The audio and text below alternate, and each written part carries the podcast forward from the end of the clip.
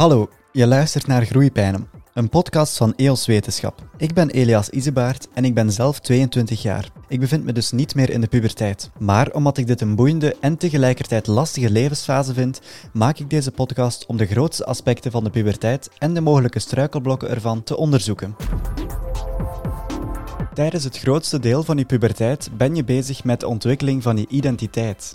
Maar dat is meer dan welke kleren je draagt of van welke muziek je houdt. Ook je genderidentiteit hoort daarbij. En nog veel meer. En dat zorgt voor heel wat vraagstukken bij jongeren. Dat is zeer belangrijk. Dat is eigenlijk een ontdekkingstocht voor jezelf. Van wie ben ik? Waar hoor ik thuis? Wie is er zoals ik en wie is er niet zoals ik? Want eigenlijk begint het daar altijd mee. In deze laatste aflevering stellen we de vraag: wie ben ik? En hoe toon ik mezelf naar de buitenwereld toe? Ja, wie ben ik? Het is niet alleen een gezelschapsspel, maar het is ook de realiteit.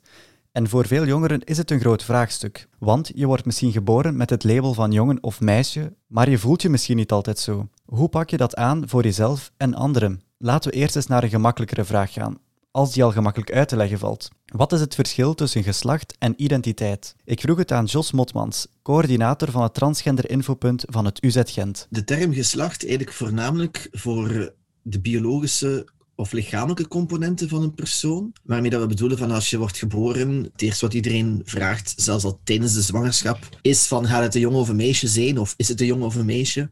Dus daar merk je al dat we er als maatschappij van uitgaan dat we jongens en meisjes kennen en dat het daarbij ophoudt. Ook juridisch is dat ook hetgene dat we doen. Hè? Dus als een kind wordt geboren, dan stelt de arts ter plekke vast door een blik te werpen tussen de benen. En op basis van wat de arts ziet, wordt dan uitgemaakt dat het een jongen of een meisje is. En in quasi alle gevallen is dat duidelijk, denkt men, op basis van het visuele. Hè. En wordt het kind ook zodanig juridisch geregistreerd. En zowel dus het lichamelijke als het juridische wordt vaak met het woord geslacht aangeduid. Maar we weten dat niet iedereen zich qua gevoel, qua beleving op heel het spectrum of in heel het universum van mannelijke en vrouwelijke en andere mogelijke genderbelevingen. Ja, dat niet iedereen de genderbeleving van, van mensen die altijd overeenkomt met dat toegewezen geboortegeslacht. Hè. En dan praten we eerder over identiteit en meer specifiek over genderidentiteit. Maar je hebt natuurlijk ook nog andere componenten zoals seksuele oriëntatie en genderexpressie. Hè. En om dat hele kader een beetje makkelijk hanteerbaar te houden, ook om uit te leggen, zeker als je naar eh, anderen toe dat wilt duiden, gebruikt men vaak zo dat symbooltje van het genderkoekje, waar dat die vier verschillende componenten in worden aangeduid. Dus het geslacht, wat tussen de benen zit, en eigenlijk ook niet enkel daar zit, want het is ook veel complexer dan dat. Hè. Je hebt ook inwendige geslachtskenmerken, je hebt chromosomen, je hebt hormonen. Dus eigenlijk zijn er allemaal verschillende parameters voor geslacht. Maar wij gebruiken vaak enkel het externe visuele. Hè.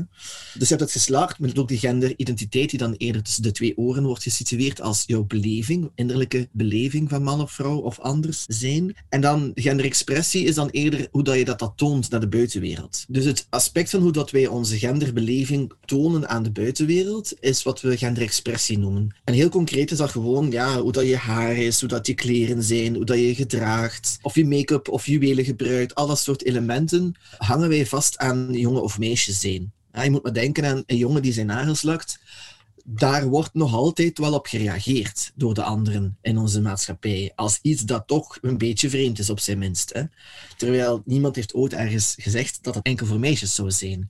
Maar dat zijn elementen van genderexpressie die wij toch koppelen aan een bepaald geslacht of genderidentiteit. Nu, heel belangrijk is dan nog die vierde component, seksuele oriëntatie. Hè? Dat gaat over tot wie dat je je seksueel of romantisch aangetrokken voelt. Hè?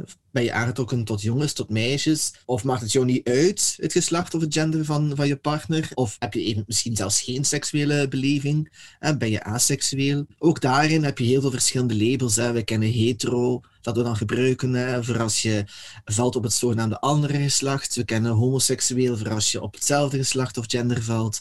Biseksueel, Panseksueel of queer zijn dan termen die eerder worden gebruikt voor mensen die dat eigenlijk allemaal niet zo relevant vinden, die hokjes. En die dat eigenlijk een beetje onzin vinden en die gewoon praten over ik val op mensen of ik val op persoonlijkheden. Het geslacht of de gender doet eigenlijk niet echt ter zake. En aseksueel zijn dan mensen die eigenlijk qua seksuele beleving eigenlijk weinig impulsen, verlangens uh, ervaren. Hè. Dus ook dat is heel complex. En wordt dan vaak nog eens verder uit elkaar gerafeld in gedrag, identiteit en verlangen. Om het nog wat moeilijker te maken, wat, wat ik bedoel. Je hebt bijvoorbeeld mannen die zich als heteroseksueel benoemen. Hè, dat is een identiteitslabel. Maar die toch seks hebben met mannen. En dat is dan natuurlijk het gedragscomponent, namelijk het feit dat je seks hebt met mannen, dat niet overeenkomt met welk identiteitslabel voor je seksuele oriëntatie dat je voor jezelf hanteert. Dus het zijn redelijk complexe verschillende lagen allemaal van iemands identiteit.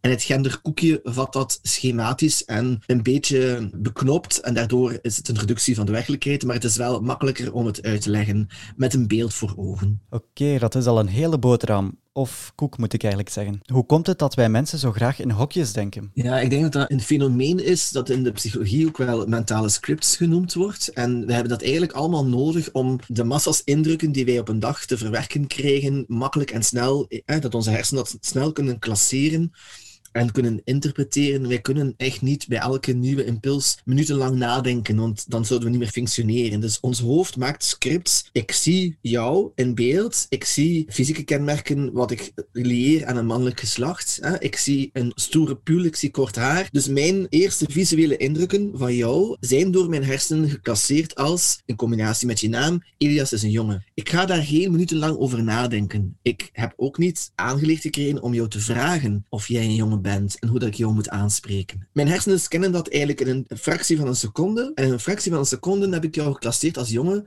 en ga ik in mijn interactie met jou ervan uit dat ik hij moet zeggen, dat ik jou als jongen moet zien, dat ik moet aannemen dat je ervaring hebt als jongen opgegroeid te zijn, enzovoort, enzovoort. Als ik dat allemaal zou moeten vragen, zouden we in elke interactie zeer lang bezig zijn. maar natuurlijk is dat juist hetgene waar het soms fout gaat. Omdat die genderexpressie van jou, de elementen, de cues die jij mij geeft om mij heel snel te doen beslissen, je bent een jongen, zijn misschien niet overeenkomstig met jouw genderidentiteit. En daar hebben we het dan heel vaak over. Dus we hebben dan nodig, die mentale scripts, om, om snel te kunnen handelen in onze wereld. Maar meer en meer moeten we ons realiseren dat vandaag de dag die genderexpressie, dat dat niet altijd overeenkomt met iemands genderidentiteit. En dat maakt dan dat we bijvoorbeeld, zoals wij nu doen, in onze handtekening van onze e-mail zetten welke voornaamwoorden wij gebruiken. Hè? Zodat je niet louter op mijn naam al meteen zou denken, ah, ik moet hij en zijn hanteren. Hè? Dat zijn van die kleine verschuivingen, zeg maar, die momenteel bezig zijn. Die maken dat wij anderen helpen om die mentale scripts misschien te herschrijven als het nodig is. Hè? Ik merk nu bijvoorbeeld in vergaderingen dat het meer en meer de gewoonte wordt als je jezelf voorstelt om te zeggen: Ik ben Jos Motmans, ik ben coördinator van het Transgender Infopunt en ik gebruik de voornaamwoorden hij en zijn. Dat kan je in één adem zeggen en de meer en meer mensen beginnen dat te doen om eigenlijk ja, die sociale scripts en die interacties te vergemakkelijken. Er zit dus zonder dat het weten veel meer achter dat hokjesdenken. Een van de tekenen van het feit dat we in hokjes denken is het gebruik van de afkortingen. Je hebt ze misschien wel al gehoord. Vroeger spraken we vaak over holibi, homo, lesbisch en biseksueel dan. Maar tegenwoordig spreekt men van woorden met meer letters zoals LGBTI of zelfs sogiesk. Oei. Ah ja. Dat moeten we misschien wel eens verduidelijken. Um, Ilona van de intellectuele woorden, waar staan al die Engelse afkortingen voor? LGBTI is een afkorting die staat voor lesbian, gay, bisexual, transgender en intersex. Deze afkorting kennen wij onder holibi, dus homo, lesbisch en biseksueel. De Engelse of internationale term heeft ook het woordje intersex, wat wil zeggen dat je jezelf tussen twee geslachten vindt. LGBTI wordt vaak in een internationale context gebruikt om bepaalde doelgroepen aan te spreken. Tegenwoordig heb je ook nieuwe afkortingen, zoals SOGIESC. Deze spreekt een veel bredere groep aan en staat voor Sexual Orientation, dus welke seksuele voorkeur je hebt. GI staat voor Gender Identity, dus welk geslacht je aan jezelf geeft. En SC staat voor Sex Characteristics, dus welke geslachtskenmerken je uiterlijk voor jezelf toont. In tegenstelling tot de afkorting LGBTI kan iedereen SOGIES gebruiken en voor zichzelf invullen. Waarom is die identiteitsontwikkeling in de puberteit nu zo belangrijk en zo sterk aanwezig? Wij kunnen daar niet aan onderuit dat we allemaal een identiteitsontwikkeling doormaken. Dat is van kinds af aan eigenlijk, van zodra we beginnen onze wereld te interpreteren, de wereld rondom ons. Bij baby's is dat reeds onderzocht, dat ze jouw gezicht kunnen herkennen vanaf heel jonge leeftijd, dat zij reageren op stemmen. Wij leren eigenlijk van jongs af aan gendercues aan uit onze omgeving. En wij leren ook door imitatiegedrag wat de normen zijn die horen bij jongen of man zijn en wat de normen zijn die horen bij meisje of vrouw zijn. Wij krijgen dat bewust of onbewust aangeleerd. In onze sociale interactie geven wij dat ook door aan anderen. En wij imiteren eigenlijk voornamelijk als we heel jong zijn volwassenen. En bij pubers komt dat in een stroomversnelling natuurlijk door de puberteit en door de lichamelijke veranderingen die optreden. En daar is het natuurlijk des te belangrijker die leeftijdsfase dat je, je wilt erbij horen. Je wilt bij die groep horen die is gelijk jij en je wilt voldoen ook aan de normen. En daardoor wordt vaak kledij ook belangrijker of muziekkeuzes of waar dat je mee bezig bent in je sociale leven.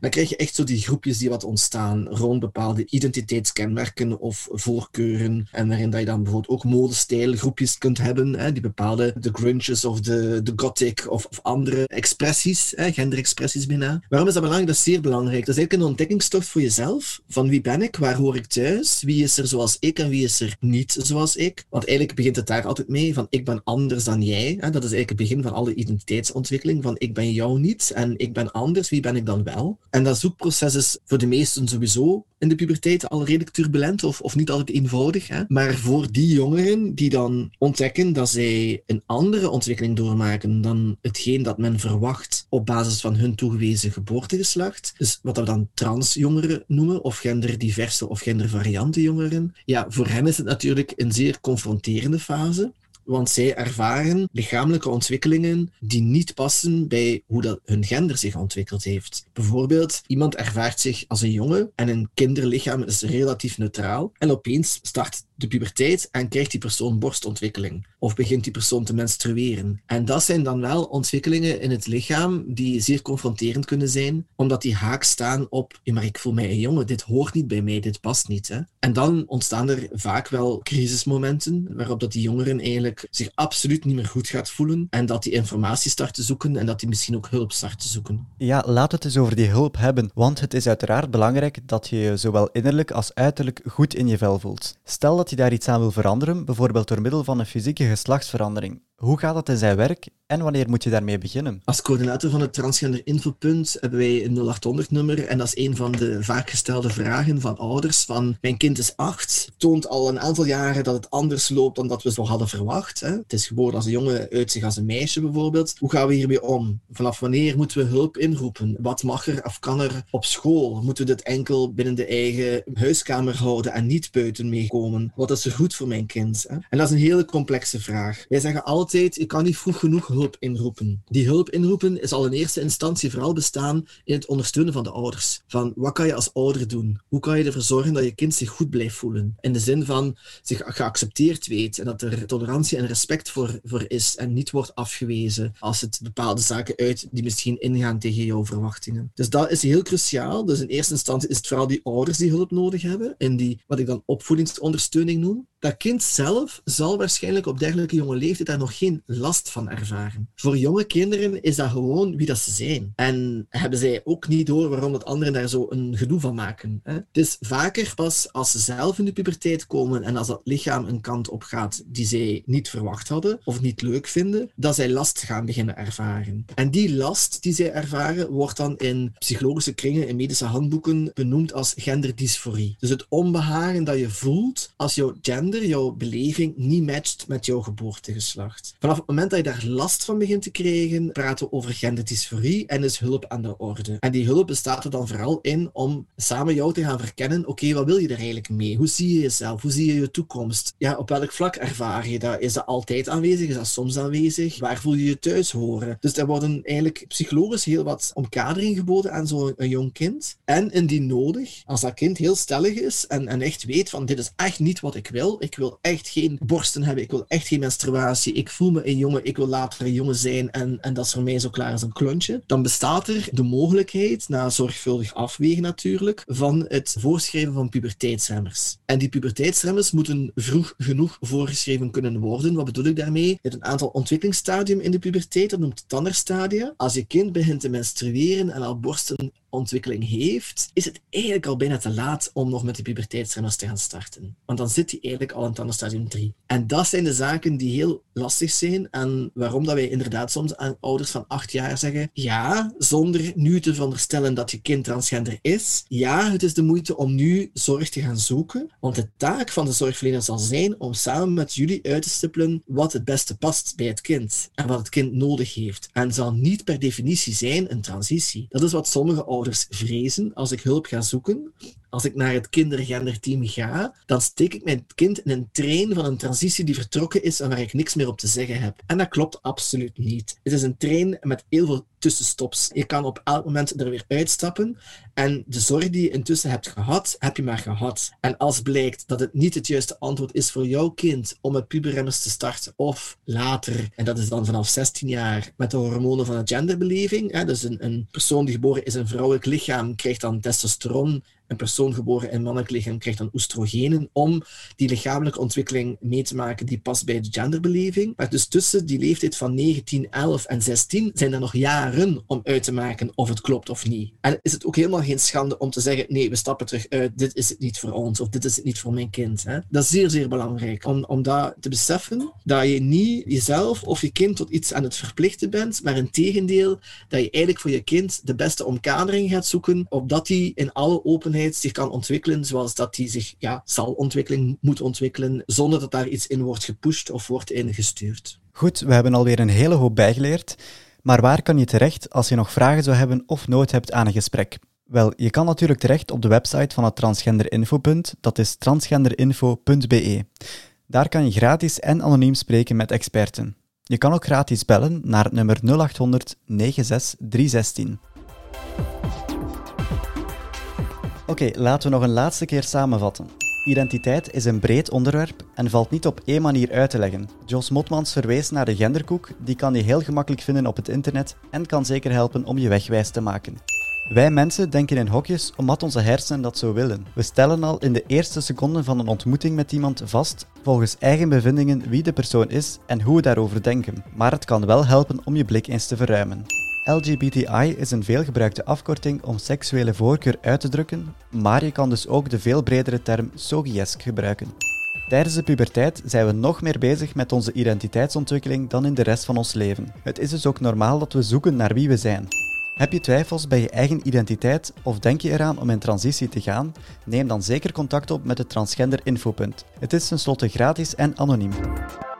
En we eindigen deze podcastreeks met nog een wijze les. Toen ik aan Jos Motmans vroeg waarom er vaak negatief of neerbuigend over diversiteit wordt gesproken, of waarom mensen daar vaak bang van zijn, antwoordde hij dit. We weten uit onderzoek dat er enerzijds normen zijn over hoe dat je moet zijn als jongen en normen hoe dat je moet zijn als meisje. Wijk je daarvan af, van die normen, ja, dan krijg je met heel veel sociale reactie te maken. Hè? Van dit past niet, dit hoort niet, je bent geen echte man, je bent geen echte meid. Hè? Dus dat zijn reacties die, die pijn kunnen doen en die mensen ook echt wel vormen. Alleen in onze maatschappij is dat niet altijd evident om daar je eigen versie van te mogen maken. Hè? Los daarvan krijgen we nu ook wel meer en meer aandacht voor mensen die zich eigenlijk niet in dat vrouwelijke of mannelijke spectrum thuis voelen horen. En die zeggen, voor mij past dat eigenlijk geen van alle twee. Ik ben eerder iemand wiens genderfluïde is of wiens genderbeleving ja, niet binair te vatten is. Ik pas niet in dat binaire stelsel M of V. Voor mij is het niet zwart-wit. En dat wordt dan met gender non-binariteit aangeduid. En voor die jongeren is het ontzettend moeilijk, nog steeds, om opties te zien in onze maatschappij van hoe doe je dat dan? Hoe benoem je dat? Hoe, hoe stel ik dat dan ook voor naar anderen? Hoe maak ik dat anderen duidelijk? Hè, waarvan ik wil dat ze dat weten. Dat ze mij correct aanspreken, dat ik mij ook op een fijne en ook respectvolle manier benaderd en behandeld voel. En dat is echt wel iets, denk ik, van pakweg de laatste vijf jaar, dat we dat eigenlijk pas echt zien bovendrijven. En bij jongeren wordt dat zeer belangrijk. Dat zijn zaken die momenteel heel sterk in ontwikkeling zijn en die aan het verschuiven zijn. En wij zijn zeer blij dat, dat er meer aandacht voor komt. En dat, dat daar meer over gesproken wordt. Want ik denk dat je als gender-non-binaire jongere het vandaag de dag ontzettend moeilijk hebt om je erkend te weten, maar ook om je te herkennen in anderen. En dat is echt zeer cruciaal. Hè? Dat je je niet alleen voelt en dat je niet de freak voelt in deze maatschappij. Want ik kan me voorstellen dat je wel als gender-non-binair persoon heel vaak zulke reacties te horen krijgt. Wil je nog meer podcasts beluisteren of artikels lezen van EOS? Surf dan naar onze website eoswetenschap.eu.